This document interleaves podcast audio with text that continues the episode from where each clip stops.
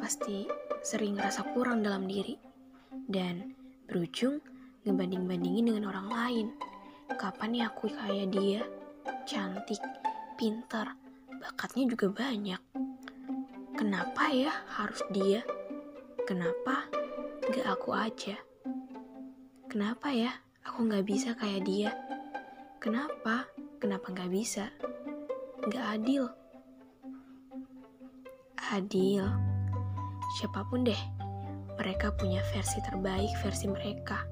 Kita punya versi terbaik punya kita sendiri. Orang lain gak bisa kayak saya. Saya gak bisa kayak orang lain. Itu yang harus diingat. Semuanya gak bisa sama. Semuanya gak bisa diukur sama. Ada yang orang lain punya, saya gak punya. Ada yang saya punya, orang lain gak punya. Itu yang namanya adil, bukan dengan menyamakan. Dengan satu patokan aja. Hal kayak gini emang sulit banget. Bahkan bisa sampai overthinking atau insecure juga bisa.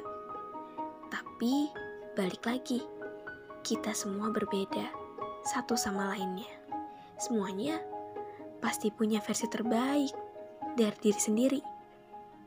Gak bisa kalau dibanding-bandingin. Kalian udah cukup berharga.